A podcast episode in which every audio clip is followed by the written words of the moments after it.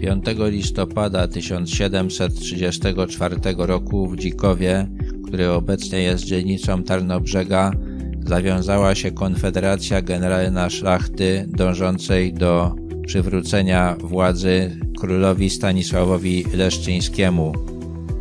Marszałkiem generalnym wybrano starosta jasielskiego Adama Tarłę, a regimentarzem, czyli dowódcą wojsk Konfederacji Józefa Potockiego. Po śmierci Augusta II Mocnego odbyła się elekcja, na której Stanisław Leszczyński po raz drugi został wybrany królem Polski. Otrzymał prawie 12 tysięcy głosów.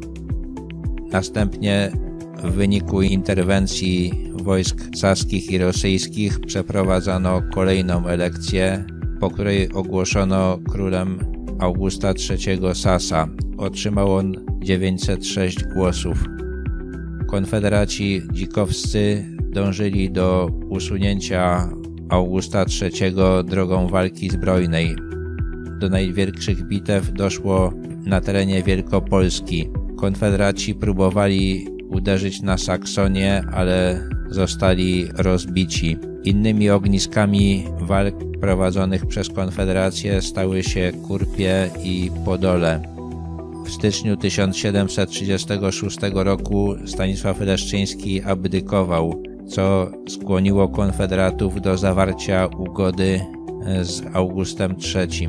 Jedynie na Kurpiach, gdzie do Konfederacji przyłączyli się chłopi, walki trwały do 1738 roku.